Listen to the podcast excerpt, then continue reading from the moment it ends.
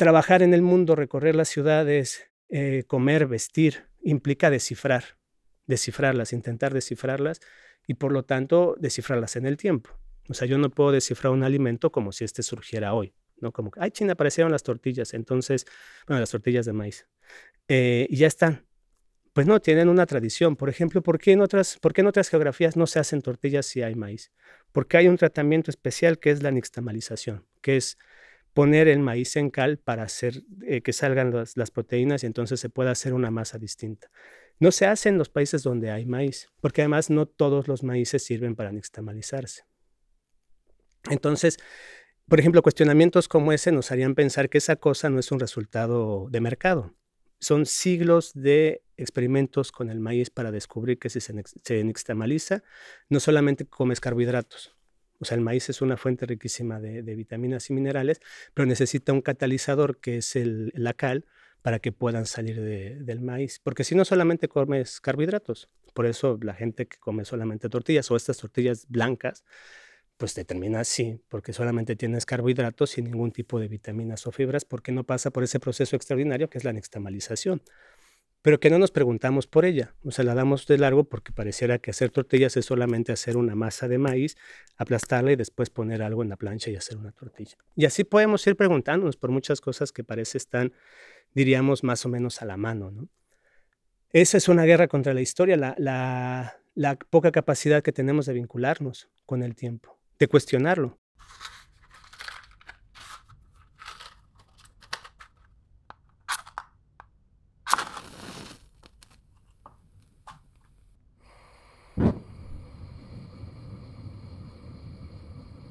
En la crisis financiera de 2008, la banca salió triunfadora por triple partida.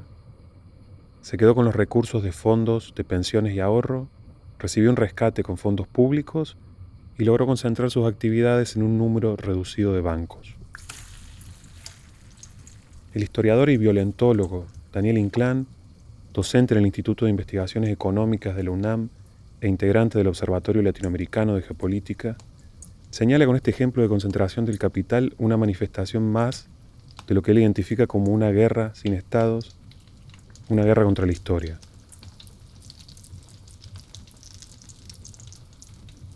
En esta planadora y ubicua guerra se produce el exterminio simbólico y real de personas y relaciones sociales. La combinación letal de la lógica del presentismo y la estetización del mundo en la que consumimos efectos en lugar de procesos nos convierte a su entender en meros espectadores de nuestra propia catástrofe y nos impide reconocer una historicidad distinta a la nuestra, y con ello la posibilidad de imaginar presentes que contradigan las formas homogéneas vigentes. Daniel propone afrontar las cárceles del pensamiento liberal con una política de la mesura que busque el entendimiento en el desacuerdo y otras formas de habitar el tiempo.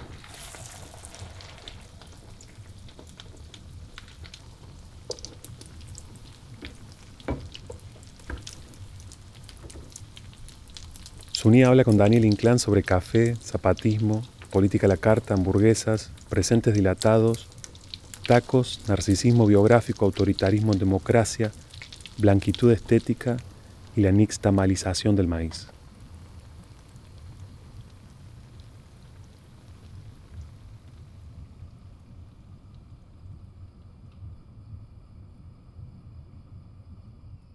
Hay un desfase entre la transformación del mundo, la celeridad con la que está cambiando, y, y, nuestras capacidades de leerlo y nuestras capacidades de construir mecanismos de impugnación. Entonces, cuando nosotros seguimos pensando que el mundo es el mundo que fue el dominante en el siglo XX, que hay instituciones y que hay una suerte de marco legal que eh, nos ampara y al cual podemos eh, recurrir en caso de excesos, es no darnos cuenta que hubo una gran transformación en el ejercicio del poder correlativa a las transformaciones económicas. Por eso lo decíamos, o sea, no se puede desvincular la lectura política de la lectura económica. Y no es que una sea resultado de la otra, tampoco es una suerte de economicismo absoluto. Porque cuando discutimos lo económico, no, solamente estamos discutiendo la ganancia y el reparto de la ganancia, estamos pensando también en relaciones de poder. Entonces, hay que reconocer que hay un cambio en, las formas institucionales y un cambio en las formas institucionales que diríamos se consolida por otro tipo de práctica política que sería el de la guerra Y la guerra entonces ya no es esta, este enfrentamiento entre ejércitos interestatales o entre ejércitos regulares e irregulares, sino una forma generalizada de construir un escenario de enfrentamiento donde hay un reparto desigual del poder y que intenta, digamos, lo que toda guerra intenta, el exterminio de los enemigos o su sometimiento. Y el enemigo en este caso es, diríamos en términos muy eh, abstractos, los capitalistas, cierta, eh, cierta clase capitalista, contra todo aquello que se opone al ejercicio de su proyecto económico-político. ¿Cuál es este proyecto? Pues el proyecto de la concentración. O sea, eh, desde las críticas del siglo XIX, particularmente la de Marx, sabemos que la, la tendencia del capitalismo es a la concentración. El capitalismo no puede ser un sistema que expanda de manera bondadosa, es decir, esta idea de reparto de la riqueza. Eso no es posible porque el capitalismo tiende a concentrar. Entonces hace mercados y abre competencias para después concentrar bajo la forma del monopolio. Los monopolios se enfrascan dentro de una dinámica que ya no les permite la creación de más valor y abren espacios para después concentrar. Pensemos en el, caso de la crisis de 2008 el fenómeno más interesante es la concentración de la banca. O sea, la banca es el gran responsable de la crisis de 2008. Son los triunfadores, diríamos, por triple partida. En principio, porque se roban los recursos de los, de los que ahorran, particularmente los fondos de pensiones o los fondos de ahorro que después están ya colapsados. Después viene un rescate bancario, que se hace con fondos públicos, o sea, una deuda privada se convierte en pública con el argumento de que va a salvar a los países. Y en tercer lugar, la concentración de las actividades bancarias en pocos, en pocos bancos. O sea, los, los mismos bancos que son los más grandes, que son los que empujan la crisis, son los que se comen después a los bancos pequeños porque son los únicos que alcanzan los fondos, los fondos de recuperación del Estado el Bank of America sería el ejemplo, digamos, paradigmático de este proceso, ¿no? Uno de los grandes bancos que va a la crisis, que se roba los fondos de, pensión o que, se pone, o que pone a, especular con los fondos, que después es rescatado por recursos públicos y que después compra bancos pequeños, que no acceden a estos fondos con el argumento de que, digamos, el capital que está en juego es, no es tan peligroso para, para que ellos quiebren. Entonces hay una triple ganancia ahí, pero esto implica una dinámica de, guerra de, distintas eh, perspectivas. O sea, no se hace solamente porque sean abusivos, sino porque han instalado una lógica de, práctica social en la que hay un enfrentamiento explícito para ganar el espacio y para poder concentrar la ganancia. Y este enfrentamiento implica un exterminio simbólico o real de las personas. Y, por eso es ahí donde yo inscribo la, idea de la guerra contra la historia, porque este exterminio no solamente es un exterminio de, un cuerpo, sino el exterminio de las relaciones sociales que ese cuerpo condensa y estas relaciones que son relaciones históricas. O sea, los miles de muertos, por ejemplo, que hay en el caso mexicano, es ir quitando poco a poco ladrillos de historicidad. Estos cuerpos condensan relaciones históricas, no son sujetos, no son solamente números, no son solamente nombres con apellido que se hacen un número más dentro de la, dentro de la contabilidad de los muertos. Son relaciones sociales y son relaciones sociales que representan un condensado histórico. Y las muertes, digamos, los exterminios simbólicos o los exterminios eh, metafóricos de, las personas a través de esta guerra pues es también despojarlas de la, capacidad de reconocerse distintos en el tiempo y de reconocer prácticas singulares que les permiten ser lo que son. Entonces, junto con el avance de la, de la, especulación financiera, que se acompaña, por ejemplo, de una especulación concreta, que es la inmobiliaria, pero que pone en juego toda la idea de la inversión, la expulsión, tenemos una homogeneización de las prácticas muy, muy perversa. No sé, ahora yo vengo de, de un viaje relativamente largo, estoy, llevo cinco semanas fuera de México, y los supermercados son atroces porque son iguales aquí o en cualquier parte, ¿no? O sea, eh, recorrer particularmente, por ejemplo, las, las filas de cosméticos, es perversísimo ver que son las mismas marcas. Y esto no es un asunto casual, pues no es un asunto del mercado que logra, es un asunto de cómo unas formas, por ejemplo, de organizar la higiene, han logrado imponer sobre otras sus productos. Esto es una forma de guerra y esto, no digo, no es una metáfora, ¿no? Ya el mismo Marx decía que el capitalismo había tomado del ejército sus, prácticas, incluso sus, eh, sus palabras. O sea, la organización jerárquica, la organización del trabajo sobre los cuerpos, la organización de la competencia bajo el principio de la guerra, desde, el siglo XIX. Incluso lo pensamos, ¿no? La, guerra entre los grandes estados, que eran grandes estados comerciales, no era una guerra solo por los mercados, era una guerra con fusiles por territorios. Ahora esta guerra sigue de otras formas, pero sus resultados son esta homogeneización de prácticas y de dinámicas. Entonces, la, proliferación de Starbucks por el mundo, por ejemplo, ¿no? Junto con la proliferación de los McDonald's, que esa es mucho más vieja, pero estas pequeñas prácticas sutiles como el tomar café, que además involucra ya no solamente, porque la hamburguesa es como el, como el alimento de, los, de las clases medias pretenciosas, ¿no? Que van a la hamburguesa, a la comida rápida. Pero ahora el café, que por ejemplo en, en Europa Central juega un papel muy importante en la definición de las prácticas sociales, entre ellas las intelectuales, que esté colonizado por el Starbucks, es muy perverso entonces, este aplanamiento del mundo, que es al mismo tiempo una, una forma de exterminio real o simbólico de personas, impone formas homogéneas. Entonces el mundo empieza a ser cada vez más el mismo. Entonces venir a Barcelona es, por ejemplo, ya no poder descifrar esos contenidos históricos que hay en la ciudad porque las marcas con las que nos movemos son las que pueden estar en cualquier, en cualquier digamos, ciudad más o menos grande del mundo sin importar si esta ciudad es precaria, ¿no? Sin importar si es la Ciudad de México, que es un país con muchos conflictos económicos, hay tantos o más Starbucks que acá, ¿no? Por ejemplo, no sé, Zara, H&M, Pull&Bear, todas estas marcas que yo veo en México, que vi en Colombia, que vi en Argentina, que veo acá, donde los referentes urbanos empiezan a ser eh, supeditados, subsumidos a estas marcas. Entonces, yo, vine a Barcelona hace 13 años, diciembre de 2004 estuve por acá, y yo no recuerdo que la ciudad fuera tan, tan llena de marcas. O sea, recuerdo, por ejemplo, el Raval como un, como un barrio, un barrio difícil, pero muy local, es decir, estaba lleno de contradicciones, mucha gente en la calle, mucha prostitución, consumo de drogas también, y ahora se está limpiando, ¿no? Como que se están generando estas zonas de concentración que hacen que las ciudades parezcan homogéneas, aunque sean distintas. Pero la experiencia de ir a Barcelona o de viajar por Barcelona sería entonces, viaja a Barcelona, no te preocupes, encontrarás un McDonald's o encontrarás un Starbucks o encontrarás eh, una tienda Sara, que bueno, es española, pero que también se está mundializando para comprar la ropa que quieres, para, es, es una cosa demencial. Pero esto no, esto no sería posible si no hubiera una guerra que lo permitiera. O sea, no es, no es solamente el deseo de las mayorías que quieren vivir conectadas y que desean consumir el Starbucks. Pues si no sabes que Starbucks existe, no lo deseas. El tema es que esto se está imponiendo por sobreformas locales. Otra cosa que también me asusta muchísimo, esta suerte de restaurantes hipsters, ¿no? Así que, que yo recuerdo hace tres años justo poder ir a los restaurantes y, encontrar un aire local, algo que me decía, esto es muy distinto a lo que yo he visto en otras partes. Pero ahora no.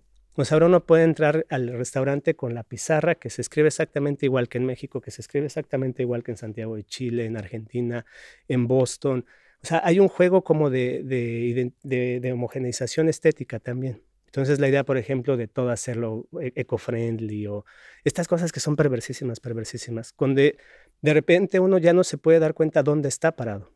Y que viajar entonces es viajar en un mismo mundo, lo que implica destrucción de la historicidad en el sentido de un vínculo político con el tiempo, que es lo que decíamos en la, en la charla y en el seminario del PEI. ¿no? O sea, la, historicidad no es, una, no es un acumulado de informaciones, es una forma de vincularse políticamente con el tiempo, que permite reconocer que hay formas diferenciadas de existencia y que entonces esa forma diferenciada de existencia digamos, eh, tiene derecho de seguir manteniéndose. Pero cuando este vínculo político con el tiempo se rompe, pues entonces nos da igual si comemos tortillas en México o si comemos arepas o si comemos baguettes o si comemos waffles, porque pareciera que ya todo está a la mano. Es decir, nuestras necesidades de vínculos políticos se resuelven ahora a la carta. ¿Qué quieres comer?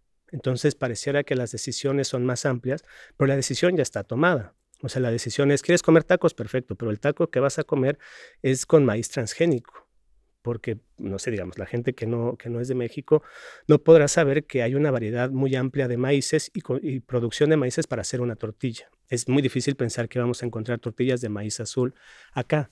Y si la gente las viera, diría, no, pues esto quién sabe qué es, porque la tortilla es blanca, ¿no? La tortilla es del maíz. Que además la tortilla es amarilla, pero las tortillas que se ven acá son blancas, porque también hay toda una traducción, una suerte de, blanquitud estética para los consumos del capital, en, lo que, en las que las cosas empiezan a modificarse para ser, diríamos, adaptadas a los mercados eh, globales. Y ya está la carta, ya no es un vínculo político. Yo no quiero decir que entonces no podemos consumir otros productos, pero consumirlos implica arriesgarnos a reconocer una historicidad distinta a la nuestra. O sea, comer otro alimento sería cuestionarnos sobre ese alimento y reconocer que es algo que no está puesto a la carta y que entonces es fácil comer comida china, comida japonesa, comida mexicana.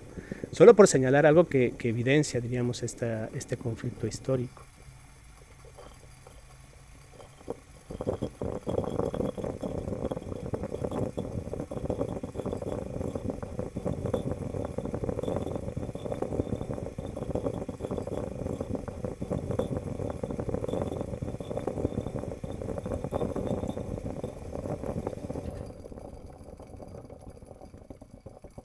La herencia no es algo que se te da, sino algo que produces. O sea, construir la herencia es construir ese vínculo con, con, las cosas, pero también es la capacidad de, de, construir distanciamientos. O sea, habitar políticamente el tiempo es producir una distancia y pensar que este presente puede ser distinto porque no es un resultado necesario. Cuando ya no nos preguntamos eso, cuando estamos solamente pensando que este es el único mundo posible y que este es el único mundo que habría que mejorarlo, pareciera que sigue siendo la única necesidad porque no podemos imaginar otro mundo. Para imaginar otras cosas necesitamos vincularnos políticamente con el tiempo, porque no es un tema de construir los mundos futuros desde la nada, es construirlos desde algo que está detrás de nosotros y que vale la pena recuperar. Entonces ahí creo que es uno de los efectos más perversos de la guerra social. Digo, más allá de que mueran miles de personas, lo cual es eh, extraordinariamente doloroso, porque además nos hemos hecho insensibles a eso, pero es que esas muertes son muertes de tiempo. O sea, son, son formas paulatinas de destrozar, de desgajar la, la, vida colectiva sobre el tiempo hasta que quedamos en vidas individuales, ¿no? Un, un, completo narcisismo. Entonces pareciera que el único vínculo político que tengo con el tiempo es desde mi yo. Entonces yo cómo me siento, yo cómo estoy, yo cómo estaba hace años, yo cómo quiero estar dentro de unos años y no un vínculo colectivo. Entonces, el, otro efecto, diríamos, sobre todo en, sociedades con relativa eh, estabilidad material como pueden ser esta, de este lado del mundo, digamos, bueno, no todo, pero buena parte de la Europa central es el narcisismo. O sea, pensar que la, biografía es la única manera de vincularse con el tiempo. Entonces, tampoco es casual, por ejemplo, el boom de la biografía como, como proyecto historiográfico contemporáneo. O sea, ya se están acabando las historias de los, las historias de los anónimos, las historias de los pueblos, las historias de, de las colectividades movilizadas, y entonces hay una sobreabundancia de, de, discursos biográficos. Entonces hoy uno va a las... Incluso eh, a mí me sorprendió mucho ver acá que hay una sección que se dice biografías. O sea, se producen tantas que merece una sección, porque es como la manera de acercarnos al pasado, a través de la historia individual de grandes personas como si estas fueran aisladas de relaciones colectivas. Y que es correlativo también a la idea de que, que, se construye sobre habitar el tiempo. Mi tiempo es el más importante. O sea, es más importante que yo llegue a tal hora, que yo llegue a tal día, y no importa si el mundo está pasando por alguna circunstancia complicada, mi vida es la más importante. Y no es que nuestras vidas no sean importantes, por supuesto tenemos que pelear por la importancia de nuestras vidas, pero no en soledad. no pensar que eh, que yo llegue al trabajo temprano es lo más importante para la ciudad o para la universidad o para el instituto. O sea, podemos ir encadenando varias, varios hechos en los que se verifica esta, esta guerra contra la historia, pero no desvincularla de las muertes sistemáticas que están sucediendo todos los días, reales o metafóricas. Una muerte es cuando le quitas a alguien las condiciones materiales para la reproducción de su existencia. O sea, matar socialmente a alguien es, por ejemplo, sacarlo de su casa y de su barrio expulsarlo de su trabajo y no darle condiciones para poder sobrevivir. O sea, digo, esto, esto hay que pensarlo también como, diríamos, eh, varias versiones de la, del exterminio sistemático. Ahora, hay zonas, hay geografías como México donde el exterminio cubre todas las facetas, ¿no? Se, mata gente eh, eliminándole sus cuerpos, pero también eliminándolas de sus geografías, desplazándolos de sus, de sus territorios, y acá igual, o sea, desplazándolos de sus barrios, de sus casas, o la gente en el campo que parece, pues ya son, son una suerte de, de invisibles, ¿no? Pero la guerra en el campo en España es extraordinariamente fuerte, porque es una zona que se ha descuidado sistemáticamente por el, la pretensión de urbanización, pero hay mucha gente viviendo en el campo en este país, que generalmente son viejos. Entonces no importan tanto porque, ay, bueno, expulsar un viejito o abandonar un viejito. Pero no es casual la guerra en el campo en España, Italia, Grecia. Portugal, ¿no? los, cuatro países campesinos más grandes de Europa, donde también se vive una guerra de despojo territorial, pero como son personas que no son tan importantes, pues no, no aparecen en los titulares o no generan reflexiones del peso que merecerían, creo.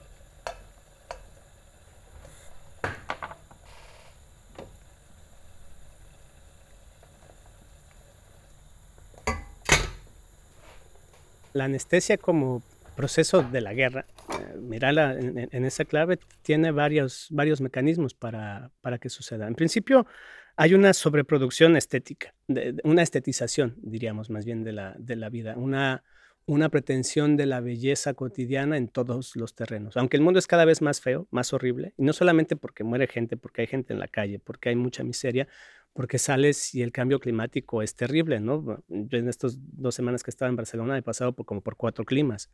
Y claro, la gente dice, esto no era así. O sea, ya salir del mundo es un poco, uy, caramba, ¿no? O sea, la cosa va mal. Entonces, como paliativo hay una, una estetización del mundo, una sobreestetización del mundo en todos los terrenos, ¿no? La idea de hacer la tacita más bella para que sea muy chic y entonces yo consuma un café que está lleno de transgénicos o de agrotóxicos, pero en una tacita muy bonita que entonces ya no me hace pensar que ese café que me estoy tomando probablemente me va a matar, porque tengo la tacita linda o me pongo la prenda del, textil de plástico que está muy bien hecha, pero no me, no me pongo a preguntar si, mi piel va a respirar porque es de, de nylon o de estas fibras sintéticas que son malísimas para la piel, pero porque está muy bien hecha, ¿no? O los zapatos de un material que son así súper diseño, pero no permiten que el pie respire, que son cosas básicas, diríamos. Nuestra piel es el órgano más grande en contacto con el mundo y necesita respirar, porque además no solamente respiramos por la nariz, sino por la piel. Entonces ahí esta sobreproducción estética eh, va también generando insensibilidades. O sea, lo que necesitamos es consumir efectos, no procesos. Entonces es el efecto de consumir el café chic a través del uso chic de la taza o la ropa, etcétera. ¿no? Ya, no, ya no hay un consumo estético de procesos, sino un consumo estético de efectos. Ya no queremos esforzarnos, ¿no? Entonces más vale comprar la cosa que nos va a garantizar el, el efecto. Pero junto con eso también el pasmo, las, cosas que suceden son tantas y tan rápidas que son increíbles por un lado, pero que también nos paralizan.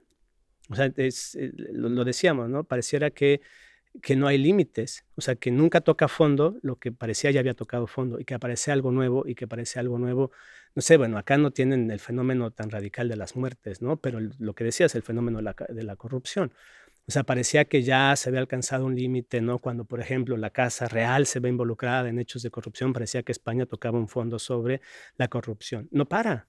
O sea, yo el tiempo que estaba acá igual leo los periódicos, lo trato de leer, digamos, el mayor número posible de periódicos para ver cómo se mira la cosa y ves que en un lado, en otro no pueden taparlo y incluso los periódicos a favor del régimen tienen que decir, porque también se convierte esto en una suerte de chivos expiatorios. Tenemos que castigar a algunos dentro de un mar de corrupción. Porque la corrupción es parte de la guerra.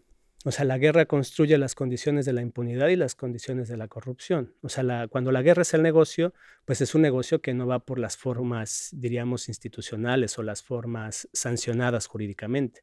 En la guerra todo se vale, diríamos. Entonces, eh, que, se extiendan estas prácticas de corrupción no es, eh, no es casual, es parte del ejercicio de la guerra. Entonces ahí esta anestesia también va generando una política que podríamos llamar de la expectativa. Entonces ahora solamente podemos esperar cuál va a ser el siguiente error de los políticos, porque no podemos, parece, hacer otra cosa, ¿no? Entonces, esperamos a ver qué tontería va a cometer Trump, esperamos a ver qué tontería va a decir Peña Nieto, esperamos a ver qué tontería va a hacer Rajoy, porque pareciera que lo único que podemos hacer es ser espectadores de nuestra propia catástrofe. Lo peor es que no solamente somos espectadores, sino que la miramos con cierto goce estético, como ya anunciaba Benjamin, ¿no? en, eh, en torno al fascismo. Mirar con goce estético la destrucción es algo que se está generalizando y que solo es posible para sociedades anestesiadas, sociedades que salen a sus calles insensibilizadas, pero que, se vincula con lo que decíamos hace rato, con esta idea de un mundo aplanado, sea, cómo la, la, producción estética, la producción de sensibilidades implica reconocimiento de, diferencias, de pliegues, de corrugaciones, de, cosas que no son lisas. Pero el mundo es cada vez más liso. Queremos vivir en un mundo sin conflictos, en un mundo sin problemas, aunque paradójicamente está saturado de conflictos y de problemas. Pero queremos que todo sea liso. Y al menos nuestros paisajes así nos los están construyendo, paisajes lisos. Y que aunque estén, diríamos, eh, distorsionados o fuera de foco, por usar una metáfora, los imaginamos lisos. O sea, aunque abajo de esta gran pancarta donde está la marca comercial o el edificio donde está el, banco o la hamburguesería o el café, hay un indigente, bueno, pero eso es como, incluso hasta se ve eh, chistoso, ¿no? Chusco. Hay geografías donde es inevitable ver esto, pero también la gente los pasa largo, no sé, Sao Paulo, Río, eh, Bogotá, incluso áreas de la Ciudad de México. Tienes el Gran Banco y abajo tienes, no uno, sino una familia de indigentes viviendo y la gente los salta como si saltara un arbusto, una, una lata de Coca-Cola. Nos estamos haciendo insensibles también porque somos incapaces de reconocernos como una colectividad afectada. Uno de los efectos de la guerra es pensar que si a alguien le pasa es por algo y que a mí no me va a pasar. Entonces, cuando empezamos a vivir la vida en una suerte de ellos, lo que les pasa a ellos es por algo, digamos, en algún sentido casi que se lo merecen, y nosotros que estamos a salvo, pues hemos hecho las cosas bien.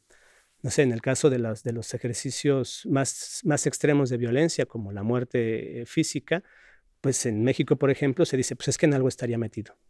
O sea, si mataron a alguien, pues es que en algo estaría metido, o para qué se mete donde no lo llaman, para qué va, qué se va a ese pueblo, o para qué sale esa hora de la noche. Pero incluso acá, digamos, yo recuerdo los, discursos en 2011 en torno a la crisis eh, financiera en Grecia, por ejemplo, discursos eh, sobre todo de, de, Alemania o de alemanes, como pues para qué se endeudan si no pueden pagar, ¿no? Lo mismo que se dice con las personas que están en desahucio, ¿no? Pues para qué compran una casa si no la van a poder pagar. Entonces hay una suerte de división del mundo entre los que hacemos o hacen las cosas bien y entonces están a salvo y los que hacen las cosas mal y por eso les pasan, diríamos, estos efectos directos de la guerra, ya sea la muerte eh, metafórica o literal. Entonces también eso genera una anestesia porque no hay una lógica de empatía. O sea, cuando ya no podemos reconocer que estos efectos son colectivos, aunque no nos afectan a todos por igual, porque eso también no hay que perderlo de vista, la guerra es selectiva, no hay fuerza suficiente como para arrasar por igual al conjunto de una población, si no es selectiva porque produce diferencias y administra la producción de diferencias, pero somos potencialmente todos eh, susceptibles de caer eh, en el juego de la guerra. O ya lo hemos caído, pero no lo queremos reconocer, o reconocemos que lo nuestro es solo una cosita chiquita, pero ya no hay empatía colectiva. O sea, no nos miramos en los otros y no nos reconocemos en los otros. Y pareciera que esos son los, las víctimas y nosotros somos los que estamos a salvo. Eso también genera una anestesia social muy grande, porque no permite una, una política de reconocimiento de la diferencia.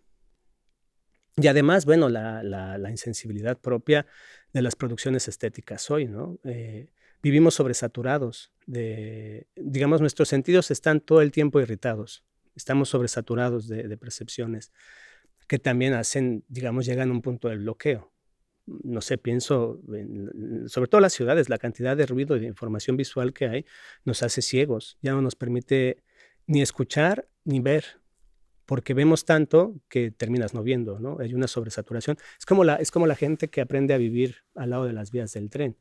Es tanto el ruido que termina no escuchándolo y que terminan acostumbrando sus cuerpos, aunque a un gran costo sobre el cuerpo. Eh, estamos igual acá, ¿no? Estamos eh, aprendiendo a vivir sin escuchar y a ver sin mirar porque hay tanta saturación que avanzamos casi hacia una suerte de mundo zombie, ¿no? Donde nos convertimos ahora solamente en funciones mínimas, que por lo demás intentamos prolongar en nuestras casas, ¿no? Con los equipos de sonido, con las televisiones, así las ahora las pantallas gigantes de 50 pulgadas, 60 pulgadas, que antes eran impensables en los espacios íntimos, ahora sobreabundan, para prolongar esta sobresaturación, porque pareciera que ya no podemos vivir sin ella, ¿no? O estar pegados al teléfono con una irritación de nuestra retina todo el tiempo porque pareciera que ya no podemos desprendernos de eso, o la música a todo volumen, o tener todo el tiempo unos audífonos pegados en la, en la cabeza para mantener esa irritación continua, ¿no? O sea, sí vivimos con un gozo estético en nuestra destrucción. Y eso es tal vez uno de los retos más grandes de una práctica política, desinscribir ese gozo estético del desastre para abrir otros goces estéticos, ¿no?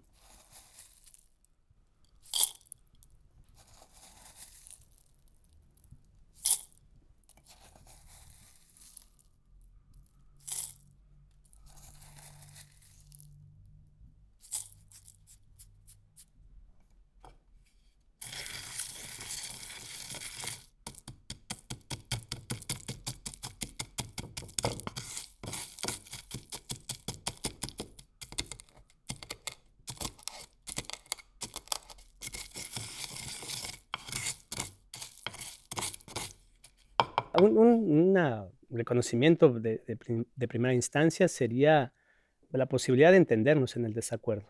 Es decir, eh, la, idea de la, colectividad o de la vida colectiva parece que se sostiene sobre una suerte de consensos compartidos.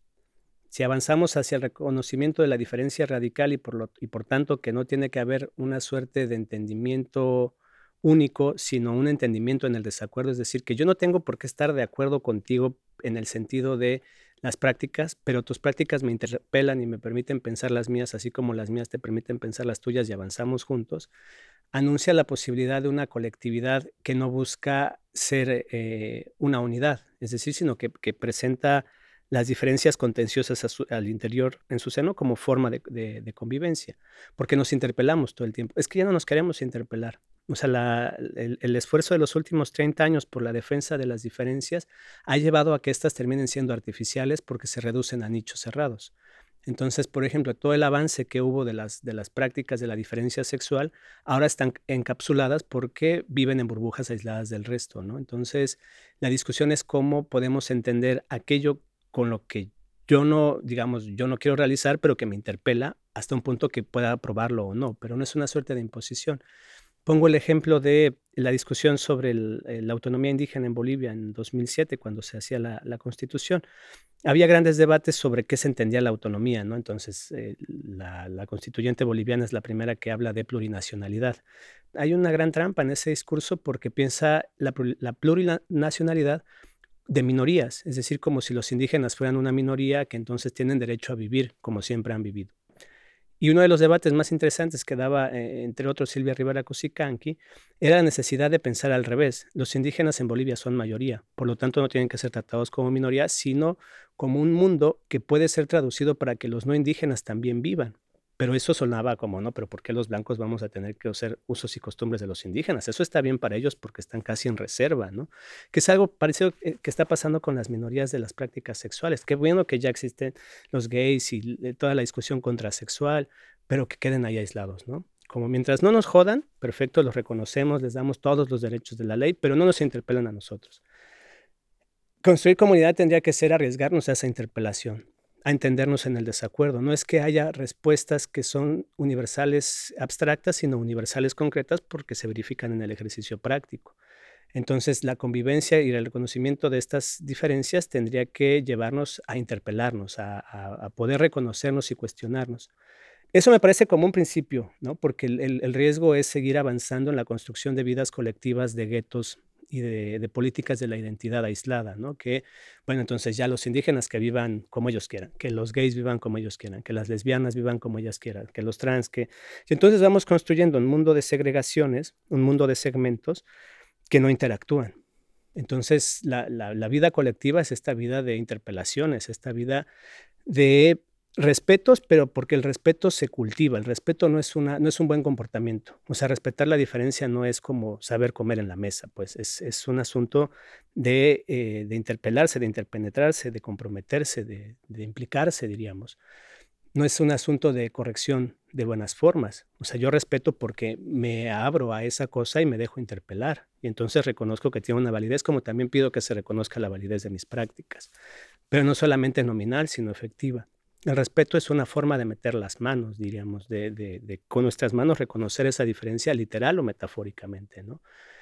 Tratar de tocarla, tratar de acercarnos y saber que, existe y que es otra, pero que también implica producción de una materialidad intermedia para que estas eh, interconexiones sean posibles, porque no es que nada más un tema de abrazos y apapachos, como podría parecer, una cierta cierta política de los afectos, ¿no? Nos abrazamos todos, nos besamos todos y entonces ya hacemos la colectividad. No, tenemos que meter las manos también para hacer los espacios que hagan posible este entendimiento en el desacuerdo. Tenemos que producir nuestras cosas para que esto sea posible. Y eso es literal o metafórico, ¿no? Pero va desde pensar, ¿por qué no volvemos a hacer nuestros muebles? O cosas tan básicas. ¿Por qué no lavamos la ropa que vestimos? ¿Por qué no cocinamos la comida que comemos? ¿Por qué no limpiamos la casa que habitamos? Y ese sería un primer principio para volver a meter las manos. Y junto con eso, después ir trabajando sobre los entornos, sobre la construcción de estos espacios, no solamente en el ejercicio de una falsa horizontalidad, que ahora también está en boga, ¿no? Lo pienso yo, por ejemplo, en el caso eh, en la universidad. La idea de que todos hacemos el conocimiento. Entonces yo ya no preparo clase, porque como todos lo hacemos, bueno chicos, todos hacemos el conocimiento, vamos colectivamente a construir el seminario, aunque a mí me pagan, a ustedes no. Esa es una, esa es una caricatura. O sea, la horizontalidad no es que todos hagamos todo, sino que todos los trabajos son igualmente importantes, porque todos meten las manos, literal o metafóricamente. Entonces la horizontalidad no es que todos aprendamos todo, porque yo no quiero, no sé, por ejemplo, que alguien que no sepa cocinar cocine, no tenemos por qué sufrir esa tortura, pero lo que sabe hacer esa persona es tan valioso como cocinar bien. Entonces es reconocer entonces que no hay o la necesidad de que todos lo hagamos todo, sino que todo es tan valioso e importante para nuestra reproducción de la vida colectiva, porque metemos las manos. Tenemos que regresar a eso, ¿no? Es una, porque además eso nos recuerda una cosa que, que olvidamos y digamos la filosofía feminista nos lo puso sobre la mesa, que es nuestra dependencia de las manos de otros para vivir. Somos vida en manos de otros. O sea, cuando nacemos, nacemos sobre las manos de otros. Y en nuestras manos tenemos vidas, digamos, si, si, si hay una reproducción eh, materna o paterna, pero también, aunque no sea así, tenemos vida en nuestras manos, la de nuestras, nuestros abuelos que necesitan de nuestras manos ahora para caminar, la de nuestras madres o nuestros padres, nuestros sobrinos o los niños del barrio. Tenemos vida en las manos y esta mano es la que nos permite la construcción de la materialidad también. Ahí es este esfuerzo de, pues sí, suena un poco eh, utópico, digamos, en el mal sentido de la utopía, pero es otra vez la escala también humana. O sea, el problema es que la mano es la primera, la primera dimensión de proporción. O sea, la mano es lo que podemos alcanzar, pero como queremos hacer todo a distancia porque nos hemos acostumbrado a las actividades remotas o virtuales, olvidamos que la primera lógica de proporción de nuestros cuerpos y nuestras existencias es la mano. Puedo ver hasta dónde llego, ¿no? Y eso también entonces nos, obligaría a una política de la mesura. Nada que no pueda con mis manos tendría que pensar lo posible, ¿no? Bueno, pues así necesitamos aviones, por supuesto, necesitamos operaciones microscópicas, pero no necesito 200 pares de zapatos o no necesito qué sé yo, una pantalla redonda de plasma para ver las películas. O sea, hay ciertas cosas que si mis manos no, no pueden, no tendrían por qué estar como deseos individuales, tal vez sí como, como reclamos colectivos, pero entonces ahí funciona la colectividad, que es una forma de socialización. O sea, aquellas cosas pueden socializarse. Sí necesitamos televisiones de plasma porque no es un privilegio burgués, pero no una en cada casa. Necesitamos refrigeradores grandes, sí, pero no uno en cada casa, o lavadoras, sí, pero no una en cada casa, porque entonces ahora parece necesitamos la lavadora, el lavaplatos, el microondas, la secadora, pero no uno en cada hogar, porque esta lógica de la mano es una lógica de la proporción. Nada que no podamos hacer con esto tendría que estar en nuestros entornos, ¿no? Entonces diríamos, no, no tendríamos que habitar hogares que no pudiéramos limpiar, porque si es una casa más grande, ¿para qué la quiero? Porque no la puedo limpiar y pensando que también nos vamos a hacer viejos y después va a ser más difícil limpiarla. O sea, no es como que ahora que soy joven quiero una casa gigante, porque sí la puedo limpiar porque tengo muchas energías y cuando me haga viejo, pues después la alquilo la mitad. No, es la lógica de la mesura, ¿no? Que eso también se nos escapa.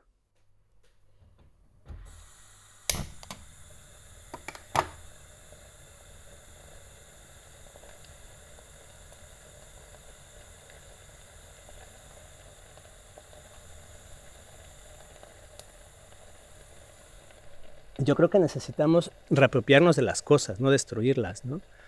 O sea, la, digamos, no, no, yo no quiero que desaparezca el Internet, pues no quiero que desaparezcan los teléfonos inteligentes, lo que no quiero es que funcionen como funcionan ahora, ¿no? Que nuestra vida está involucrada y, y depende de ellos. Porque si no es, nos vamos a la montaña y empezamos todo desde cero, ¿no? Que hay esfuerzos que lo están haciendo, bueno, y son valiosos, digamos, pero yo no lo quiero hacer, ¿no? O sea, yo no quiero desprenderme de un acumulado de cosas que son resultado de fuerzas sociales en disputa. O sea, la Internet, por mucho que esté cooptada por un grupo de grandes empresas y por un grupo de desarrollo tecnológico, pues no les pertenece a ellos, ¿no? El, reto es reapropiarse y refuncionalizar. la gran disyuntiva si tenemos la imaginación para refuncionalizarla. Reapropiar ya hay grandes esfuerzos, ¿no? Ya hay varios, colectivos trabajando sobre eso, la reapropiación tecnológica para superar la obsolescencia programada, para intentar hacer de la Internet otro, otro mecanismo de, fluctuación de informaciones y producción de informaciones. El tema es que nuestras imaginaciones son cada vez más cortas porque los dispositivos no solamente son bombas de tiempo por, digamos, su lógica tecnológica, sino por la producción de verdad que generan. Hoy, no sé, no tengo Facebook, pero me imagino la gente que vive con Facebook, es difícil imaginar sus interacciones, ¿no? Ahora es más fácil mandarte todo por Facebook, todo por Twitter, porque no nos damos el tiempo para otras cosas. Ahora, no es que tengan que desaparecer, insisto, pero sí tenían que funcionar de otra forma. El tema, y ese es el gran reto en términos de la, de la producción también de vida colectiva, la construcción de criterios de verdad que no sean los criterios de verdad que nos imponen estos dispositivos y estas formas de producción de verdad, que ya no son las de las que nos hablaba Foucault, o las normalizantes, la del panóptico, la del, la del eh, maestro, el doctor o el policía, son impersonales, pero nos imponen formas de producción de ideas y producción de criterios de verdad. ¿Cómo refuncionalizarlas? Es como pensar eh, que también podemos refuncionalizar la escuela. No tendría que desaparecer, ¿no? O sea, no, no, podemos ser tan insensatos y decir que desaparezcan las escuelas, los hospitales, porque las prisiones sí, pero las escuelas y los hospitales no podemos decir que desaparezcan, ¿no? Pero entonces la, la, gramática se invierte y el asunto no es pensar en la institución, sino en el verbo que está detrás de ella. Entonces, para pensar otras, otras poéticas y otras construcciones de verdad, hay que regresar a los verbos en infinitivo. En vez de la escuela, educar. En vez del hospital, sanar. Y la conjugación de este verbo, pues es la implicación de las manos, ¿no? Y las capacidades y proporciones que cada colectividad encuentre. Porque estar sano no es tener un funcionamiento equilibrado absoluto del cuerpo, es una, es una, es una respuesta colectiva. No es lo mismo estar sano en el trópico, en la selva amazónica o en la montaña, porque ahí el cuerpo implica otra forma de sanidad, ¿no? Y construir eso colectivamente es ir más allá de la institución no tienen que desaparecer, pero no tienen que ser nuestros fines últimos para pensar la salud, por ejemplo. Lo decíamos en el, en el PEI, o sea, si yo estoy enfermo del corazón, quiero un cardiólogo. Sí, no, no quiero un médico que me dé chochos o alguien que me dé masajes y me cure con la mente. Si estoy enfermo del corazón, quiero un especialista. Pero esta, este pensar mi enfermedad del corazón implica también cuestionar qué es la salud de manera integral, porque este corazón enfermo es parte de un cuerpo enfermo. Digamos, entonces ahí sí es donde interviene la salud que no me va a resolver el cardiólogo. El cardiólogo me puede ayudar para decirme, mira, tienes una vena que está chiquita o tienes un problema de un músculo, pero la, otra forma de pensar la salud va más allá de este órgano que está afectado, ¿no? Y ahí sí intervienen otras formas no institucionales, no, no hospitalarias para pensar la salud. Lo mismo que la educación. No hay que pensar en escuelas alternativas, que eso es el boom, ¿no? En México, en en el mundo occidentalizado, ¿no? Una escuela, cada año aparece una nueva escuela alternativa, ¿no? Con un nuevo método. Pero no pensamos que también educar es algo que va más allá de las escuelas y que no se resuelve solo en la institución ni en la casa, sino que es un trabajo social, digamos, mucho más colectivo. Entonces ahí el reto es refuncionalizar porque ponemos en operación los verbos, los verbos en infinitivo que los vamos conjugando, ¿no? Entonces reapropiarnos de las cosas, refuncionalizarlas es volver a pensar en el verbo y no en el sentido divino, sino en el verbo como la posibilidad de la acción. Vamos a sanar, vamos a educar, vamos a habitar. Y ahí se resuelve si la casa, si el hospital, si la escuela son un paso entre varios. El tema es que nuestra imaginación es corta y solo pensamos en las instituciones. Lo mismo que en el Estado. ¿no? Pareciera que la única forma de la política posible hoy es ocupar el Estado o sus formas de gobierno. ¿Por qué no pensamos en politizar otra vez? Porque eso pareciera, incluso hay un, desprecio por la idea de politizar, es una forma peyorativa, ¿no? Es que están politizando el asunto, es que se está sobrepolitizando la, la discusión. Tenemos que sobrepolitizarlo todo, porque es ahí donde vamos a discutir y darnos cuenta que las cosas no son resultados inevitables, sino resultados contenciosos.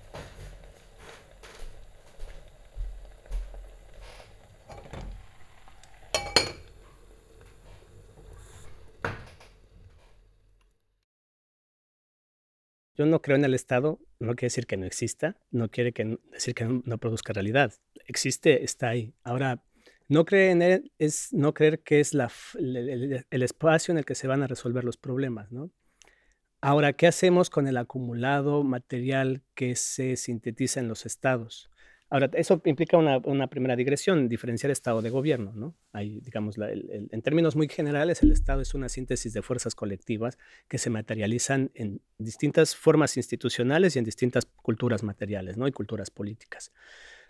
¿Cómo disputamos eso que no es resultado de una fuerza individual o una fuerza de clase, ¿no? Digamos, los estados como síntesis de relaciones de fuerza, pues también inscriben trayectorias de movimientos sociales. No sé, pienso el caso de la universidad en México. Es, la universidad pública no existe solamente como una concesión del Estado, sino como resultado de fuertes luchas sociales por conservarla, ¿no? que han, digamos, puesto ciertos frenos o cercos al avance privatizador, aunque paulatinamente se privatiza, pero no de golpe, como en el resto de América Latina o como en casi todo el mundo.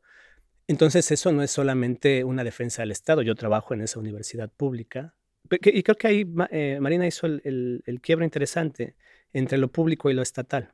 ¿no? Eh, ese público, esa cosa pública, esa red pública, es ahí tal vez donde teníamos ciertas cosas que pelear. Yo creo que no todas. Ahí sí me parece que no es, no es un asunto de, de todo el costal y todo el paquete, porque no todo lo público es lo público por igual y no todo lo público eh, merece, al menos desde mi perspectiva, ser peleado. ¿no?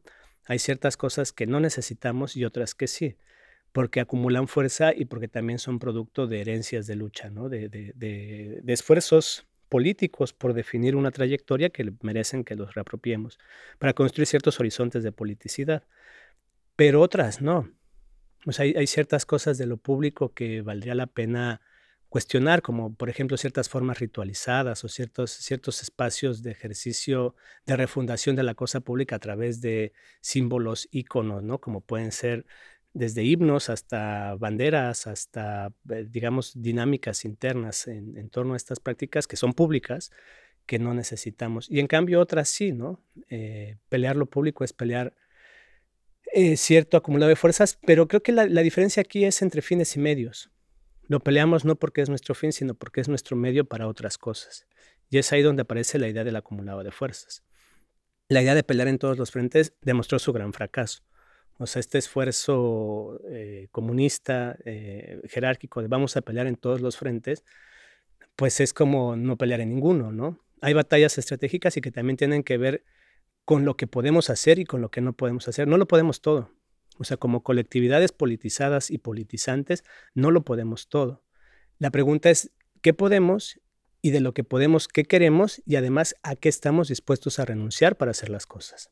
Porque o sea, es esto, ¿no? No podemos reclamarle a toda la gente que renuncie por igual, ¿no? Eso, por ejemplo, el zapatismo nos lo enseñó muy bien. O sea, el zapatismo ha renunciado a muchas cosas y ellos lo dijeron porque no teníamos nada más que perder. O sea, lo único que nos quedaba era la vida. Entonces han renunciado a muchas cosas para ganar sus territorios y sus espacios de autonomía. Pero esto no, no, es una demanda generalizada, por eso el purismo militante tampoco aplica, ¿no? Como, ah, bueno, tú no, crees, tú no crees en el capital, entonces renuncia a tu trabajo y no vivas de un salario que te da el Estado y deja de comprar eh, ropa cara, ¿no? Vivir bien y comer bien no es un privilegio de la burguesía. Ahora, ¿cómo lo apropiamos en, lo que decíamos eh, atrás? ¿Cómo lo refuncionalizamos para no quedar también presas de ese confort y de ese lujo? Pero no es un privilegio. O sea, comer bien no es un privilegio burgués y que comprar un queso decente no es un, no es un privilegio de la burguesía, también lo merecemos. Y aprender a disfrutarlo y aprender a pelearlo es otra manera de darnos cuenta que no es exclusivo de un sector. Pero es esto, reconocer qué podemos, qué queremos y, qué, y hasta dónde podemos renunciar. Y algo que decía uno de los chicos en el PEI, y a qué no estamos dispuestos, dispuestos a renunciar. Porque también pareciera en la lógica de la militancia eh, purista que la renuncia es de todo. Y hay cosas a las que no tendríamos que estar dispuestos a renunciar. Por ejemplo, yo no renunciaría a los libros. Yo no renunciaría a la posibilidad de tener un tiempo de reflexión y de lectura por placer. Y no de lectura para responder el mundo de manera inmediata. Yo no renunciaría a la poesía. Yo no renunciaría al baile. Yo no renunciaría a la música. Que parecieran estos son elementos eh, innecesarios en la transformación. ¿no? La, militancia, sobre todo este purismo militante o, este, o esta militancia precarista que apuesta por la precariedad como horizonte de lucha, dice que estas son cosas innecesarias, ¿no? Pero justo creo que ahora más que nunca son necesarias porque nos hacen pensar que otra sensibilidad es posible y con ello otro mundo, ¿no? Si renunciamos a la poesía nos quedamos sin imaginación. Si renunciamos al baile nos quedamos sin capacidad de reconocer los cuerpos como otros cuerpos. Pero sí hay ciertas cosas a las que hay que renunciar, sin duda, ¿no? Que, tenemos que cuestionarlas y abandonarlas. Ahora, decirlo es fácil, ¿no? yo, vivo de un salario eh, público, del pago de impuestos de miles de personas que me dan un salario y que en el fondo pues redunda en, una institución que además me permite hacer estas cosas, ¿no? Viajar, decir cosas por el mundo y que eh, lo cual puede parecer también una suerte de, de, contradicción. En el fondo lo es, digamos, no, no es una especie, es una contradicción, pero también hay que, hay que evitarla Y no es reconocer la analógica del cinismo, ¿no? Bueno, pues ahí estoy, ni manera. Pues es tratar de aprovecharla y construir politicidad desde ella.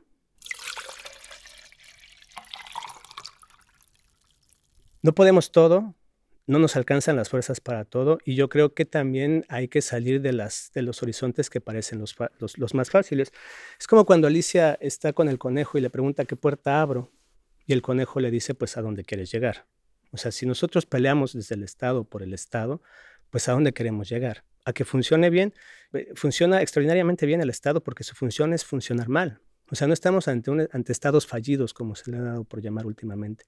Estamos ante una transformación de las formas institucionales cuyo objetivo es ese, que funcionen aparentemente mal porque sus funciones se han reducido. El Estado no se reduce en tamaño, sí sus funciones, y tiene tres grandes funciones. La de la seguridad, es decir, asegurar que la propiedad privada siga en pocas manos. La de eh, hacer los flujos y las mediaciones para el despliegue económico, y la de construcción de laberintos burocráticos cada vez más grandes. Entonces, hoy hacer un trámite es mucho más difícil que hace 20 años cuando no había computadoras.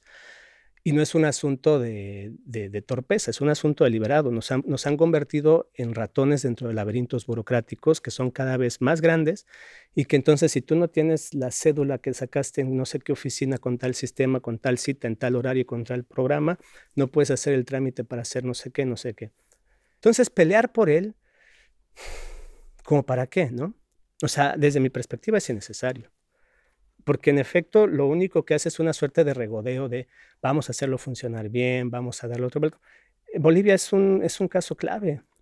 O sea, es, es, un estado que ha logrado transformaciones históricas que durante mucho tiempo en Bolivia no se llevaban a cabo, pero que refuerza algo fundamental de los estados modernos, que es el autoritarismo. La democracia como sistema de gobierno es un sistema autoritario. Y entonces seguir peleando por la democracia como sistema de gobierno es pelear por nuevas formas autoritarias. Pero decimos, es que nosotros somos los buenos, entonces nuestro autoritarismo va a ser, va a ser chido, porque va a ser buena onda, porque nosotros somos los buenos, ¿no?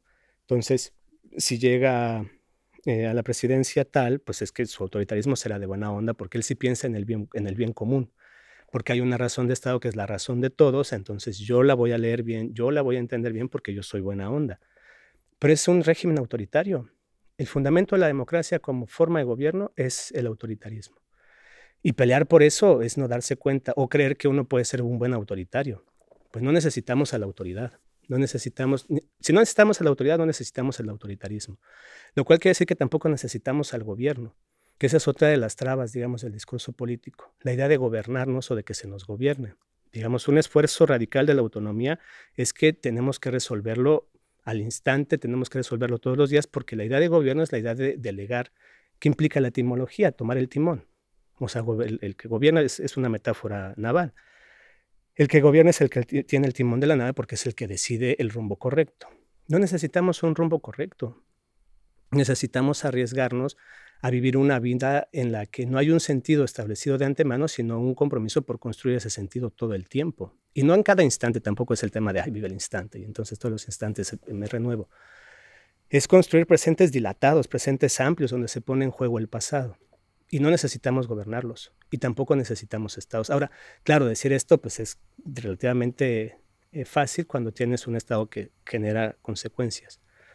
Pero empezar a pensarlo ya es un, al menos mirar ese precipicio que nos genera decir no necesitamos Estado, no necesitamos gobierno, no necesitamos leyes, porque la ley presupone el ejercicio de una fuerza que la funda. O sea, no hay ley sin fuerza detrás. Pero entonces, claro, vivimos en un mundo en el que paradójicamente las fuerzas son cada vez más concentradas y más eh, autoritarias, pero demandamos más leyes. Entonces, un mundo que quiere leyes para todo, que quiere leyes para las botellas de plástico, que quiere leyes para los auditorios, que quiere leyes, leyes, leyes, leyes, que además reclaman especialistas para su lectura y reclaman guardianes. Una ley necesita un guardián que la haga cumplir. No, este es el cuento de Kafka ante la ley. Nunca estamos ante la ley, estamos ante sus efectos y sus efectos los producen sus guardianes. Y hay una fuerza que las funda. Si pensáramos una justicia sin ley, por ejemplo, es un gran, es un gran avance, ¿no? La, otra vez regreso al zapatismo. La forma de la justicia social es una forma que asume colectivamente los procesos y no los individualiza. Ahora, en, en, las formas liberales, la justicia es un asunto individual. O sea, es un problema de individuos que se resuelve por unos especialistas que dicen que estos individuos están bien o están mal. pero no se piensa que eso es una relación colectiva. Ahora, no es colectivizarlo todo, porque también esto podría parecer como, pues todo va a estar colectivizado, mi cama, mi casa, mi baño. No, o sea, yo creo que hay que defender la individualidad, sí, pero no el individualismo. Ese sí es un gran invento del cual no tenemos que desprendernos, el individuo. Pero hay que aceptar que ese individuo es una síntesis de relaciones colectivas y que hay que defender la individualidad. Sí, yo no quiero colectivizar mi cama. Yo a veces quiero llegar a mi cama y estar ahí solo. No quiero colectivizar eh, todo, todos mis, mis espacios, pero sí abrir momentos en los que estos puedan socializarse, en los que también haya un tiempo, construirse el tiempo para las cosas, o sea, producir el tiempo, que ese es, uno, ese es un gran reto porque ahora cada vez eh, más estamos incapacitados de darnos el tiempo y hacer el tiempo.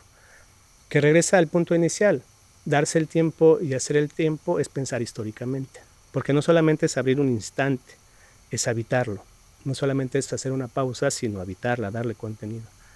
Y es ahí donde las cosas pueden colectivizarse o socializarse, pero también darse el tiempo para uno mismo, ¿no? darse el tiempo para estar solo, por ejemplo, para no, para no tener que estar todo el tiempo interactuando también la soledad la necesitamos a veces como un principio político, no solamente como una forma de descanso, sino como una práctica política. Todos tendríamos que apostar porque la soledad es una operación que nos, que nos alimenta políticamente y que políticamente habría que defender. Eso.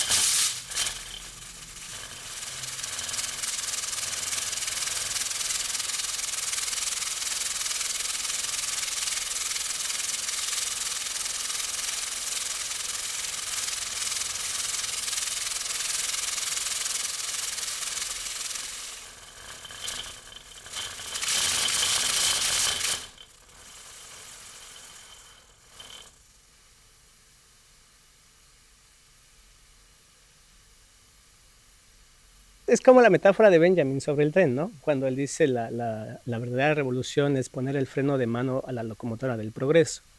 Tal vez el freno de mano ya se rompió o no hemos encontrado dónde está y hay quienes están saltando de la locomotora, algunos de mala manera y se suicidan, diríamos, saltan mal y, colapsan, otros aprovechan movimientos de, la locomotora para bajarse sin, sin, poner en riesgo sus vidas, perdón, la, la redundancia, el zapatismo, ¿no?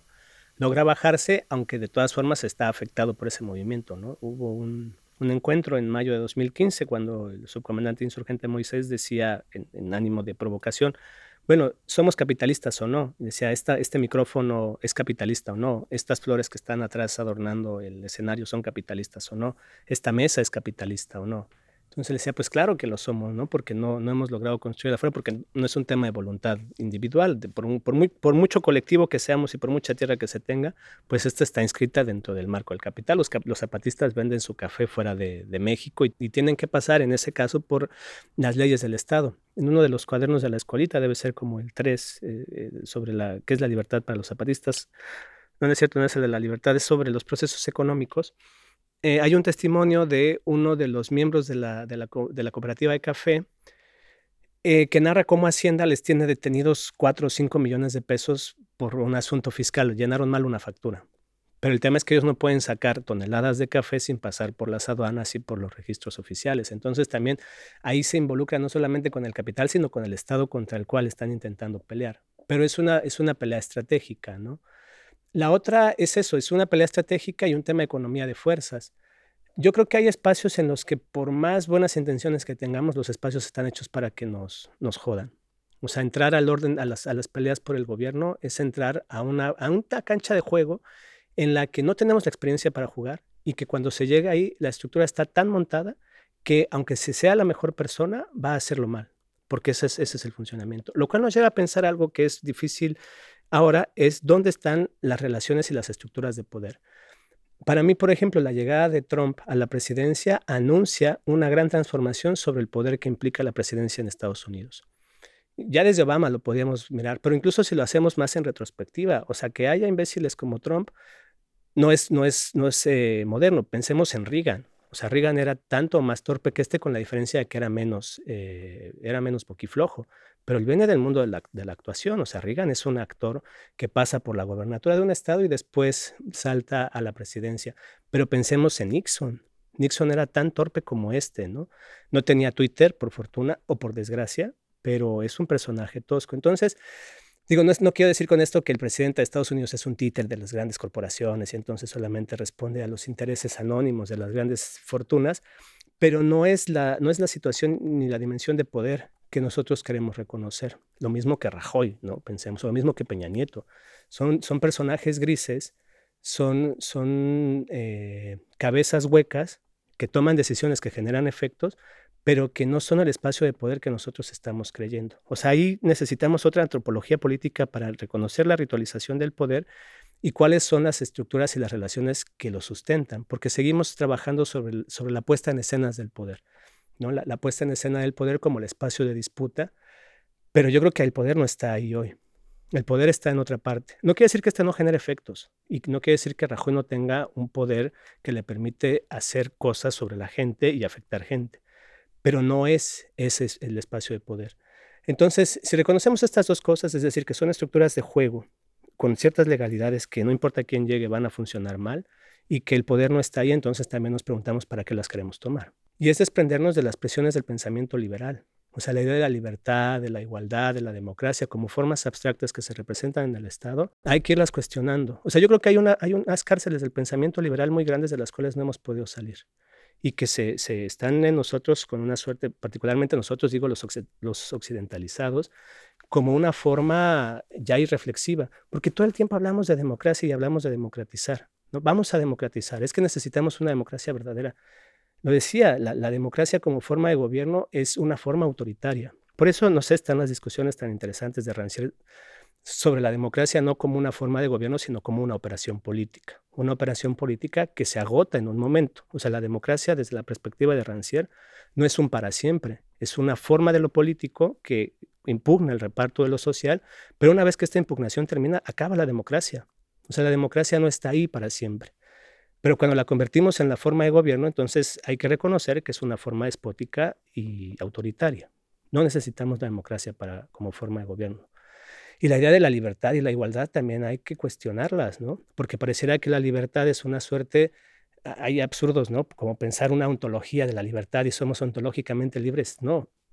La clave sartiana es muy bonita, ¿no? Cuando dice somos condenados a la libertad no porque estemos obligados a ser libres, sino porque estamos obligados a darle un contenido a eso que llamamos libertad. O sea, la condena a la libertad, y la palabra condena es muy bonita porque es un castigo, porque tenemos que darle un contenido a nuestra vida. O sea, ser libres es darle un contenido a la vida porque no está dado de una vez y para siempre. Hay que pelear por ese contenido. Esa es la condición de la vida humana que tiene que pelear por definir qué es aquello que la hace ser humana, ¿no? Entonces, la idea de la libertad como un abstracto, pues pareciera que, ah, perfecto, libertad, bien, entonces háganme leyes para que regulen mi libertad, ¿no?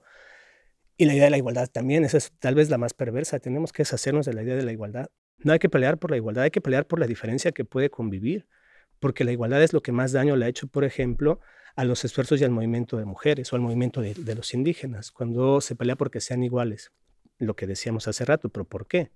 Hay una, también lo decía en, la, en el seminario del P, hay una caricatura de Mafalda cuando Mafalda va con su papá en la noche y lo despierta y le dice, papá, papá, somos todos iguales. Y el papá abre un ojo y le dice, sí, Mafalda, somos todos iguales. Mafalda se regresa a su, a su cuarto y después va otra vez con su papá y le dice, pero iguales a quién? ¿Quién establece el criterio de la igualdad? O sea, la igualdad presupone un patrón que define que se es igual en función a algo. Y bueno, estas discusiones ya se han dado mucho tiempo, ¿no? Esto es claro un, patrón masculino, blanco, noreuropeo. No necesitamos la igualdad, necesitamos la diferencia radical y convivir radicalmente con la diferencia. Y esto que decíamos, interpelarnos, no solamente en segmentos, sino con, espacios que nos interpelan, con el respeto como una forma de, de, cuerpos intervenidos, de cuerpos que se tocan y que producen mediaciones materiales para tocarse. Entonces, pelear por estas instancias me parece un despropósito. O sea, me parece mucha falta de imaginación, ¿no?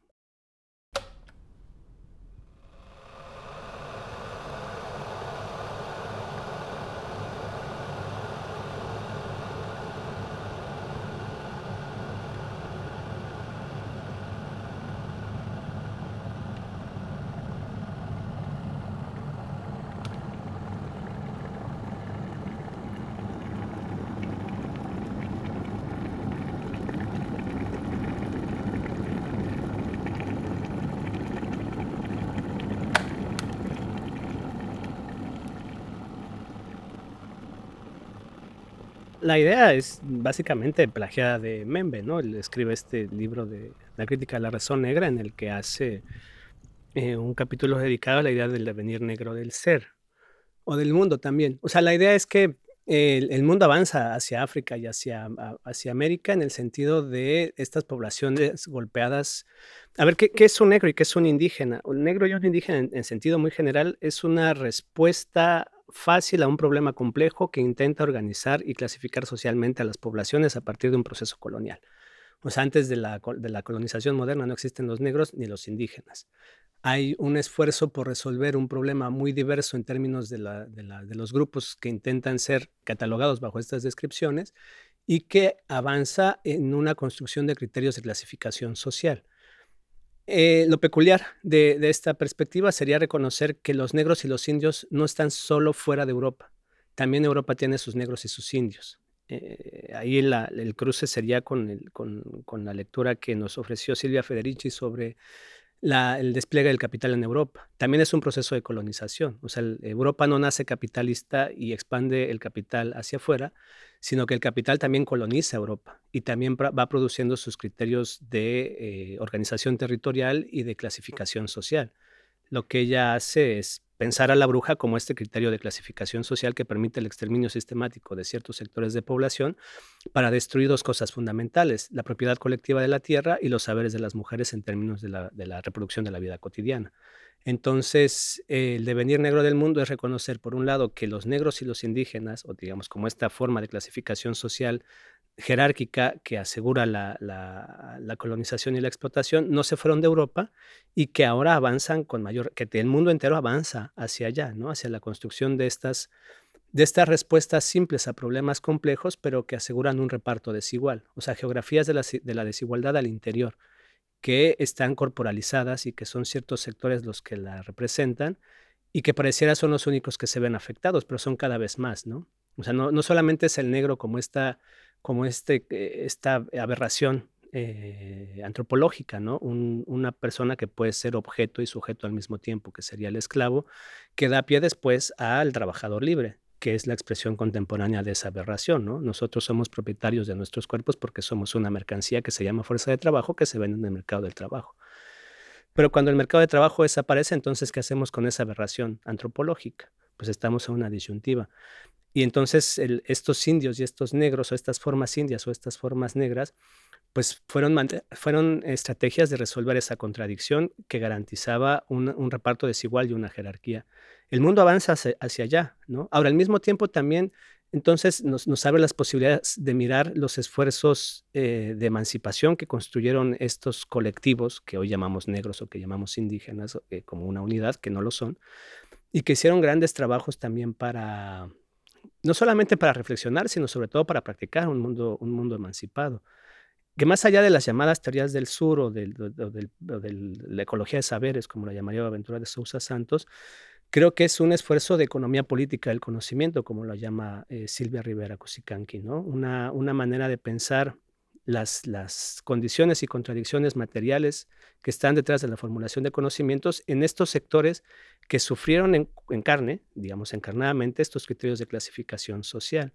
Entonces, pensar el devenir negro e indio del mundo es pensar esta doble contradicción. Por un lado, que se avanza hacia una generalización de algo que parecía correspondía solo a unas geografías específicas que serían lo que llamamos África y lo que llamamos América Latina, pero que siempre han estado al interior de, de las geografías de los países desarrollados, pero por otro lado también la posibilidad de mirar sus, eh, sus prácticas y las epistemologías que están detrás de esas prácticas.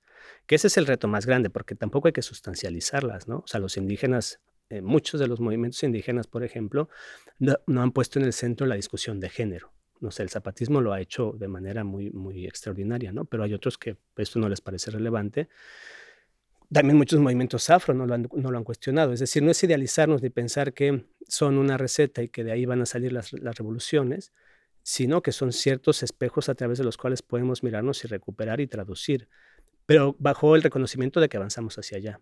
Es decir, ya no son exterioridades, ya no son geografías alejadas, de, así como del confort, del desarrollo, que, uy, qué bueno que pobres, pobres, ¿no? Entonces, en, en, no sé, hay, hay, estas enunciaciones que son extraordinariamente eh, peligrosas y cuestionables, ¿no? como decir, es que son tan pobres como africanos, como si esa fuera la condición de los africanos, que además, insisto, es una diversidad muy grande que se resuelve bajo un argumento de unidad, pero como si ellos sí lo pudieran ser, ¿no? Cuando hablamos de la miseria extrema decimos como en África, bueno, o como en América Latina.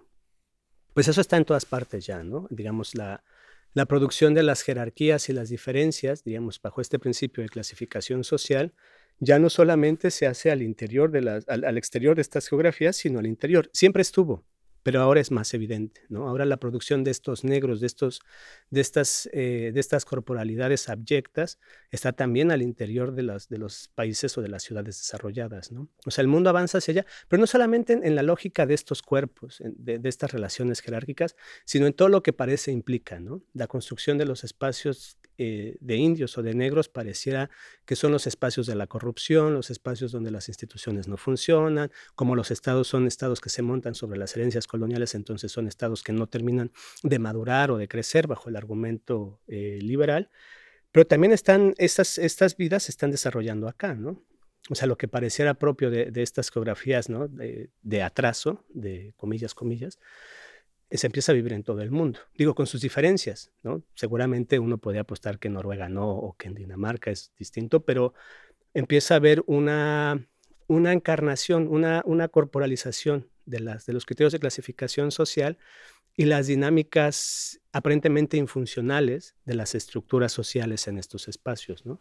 donde, por ejemplo, la gratuidad de la muerte es, es muy fácil, ¿no? lo que eh, Membe llamaría en otro texto la necropolítica. Ya no se administra la producción de la vida, sino la producción de la muerte. Por eso empieza a suceder también acá, ¿no? digamos, con, sus diferencias, pero es cada vez más común que microsoberanías se empiecen a construir en todo el mundo como espacios de construcción y reparto del poder, donde lo negro y lo indio no son solo cuerpos, sino dinámicas, que parecían eran exclusivas de estas excolonias, pero que justo, si miramos, si miramos el proceso en, en, la clave de colonización del capital, también nos tendríamos que dar cuenta que Europa es una colonia del capital y que entonces este, este proceso es un proceso colonial, sí, pero del capitalismo como sujeto, del capitalismo como razón del mundo, y que también Europa tiene las condiciones para desarrollar eso que pareciera es de las ex colonias eh, históricas de los imperios europeos. Porque aquí también hubo un proceso de colonización muy grande que no se mira como tal, pues, o sea, por eso el texto de Federici es muy importante, porque, diga, más allá de, de, las sutilezas historiográficas que se le podían hacer al trabajo, pero es un texto que abre una lectura histórica y política para pensar que el proceso no es de Europa hacia afuera, sino que también hay algo al interior que da la posibilidad de las consecuencias de los procesos de colonización. Digamos, este devenir negro como resultado de procesos de colonización también se puede mirar en Europa porque también fue colonizada. Y ahí hay esas contradicciones con las que hay que trabajar y reconstruir tal vez de otra forma la historia de la colonización europea al interior de Europa.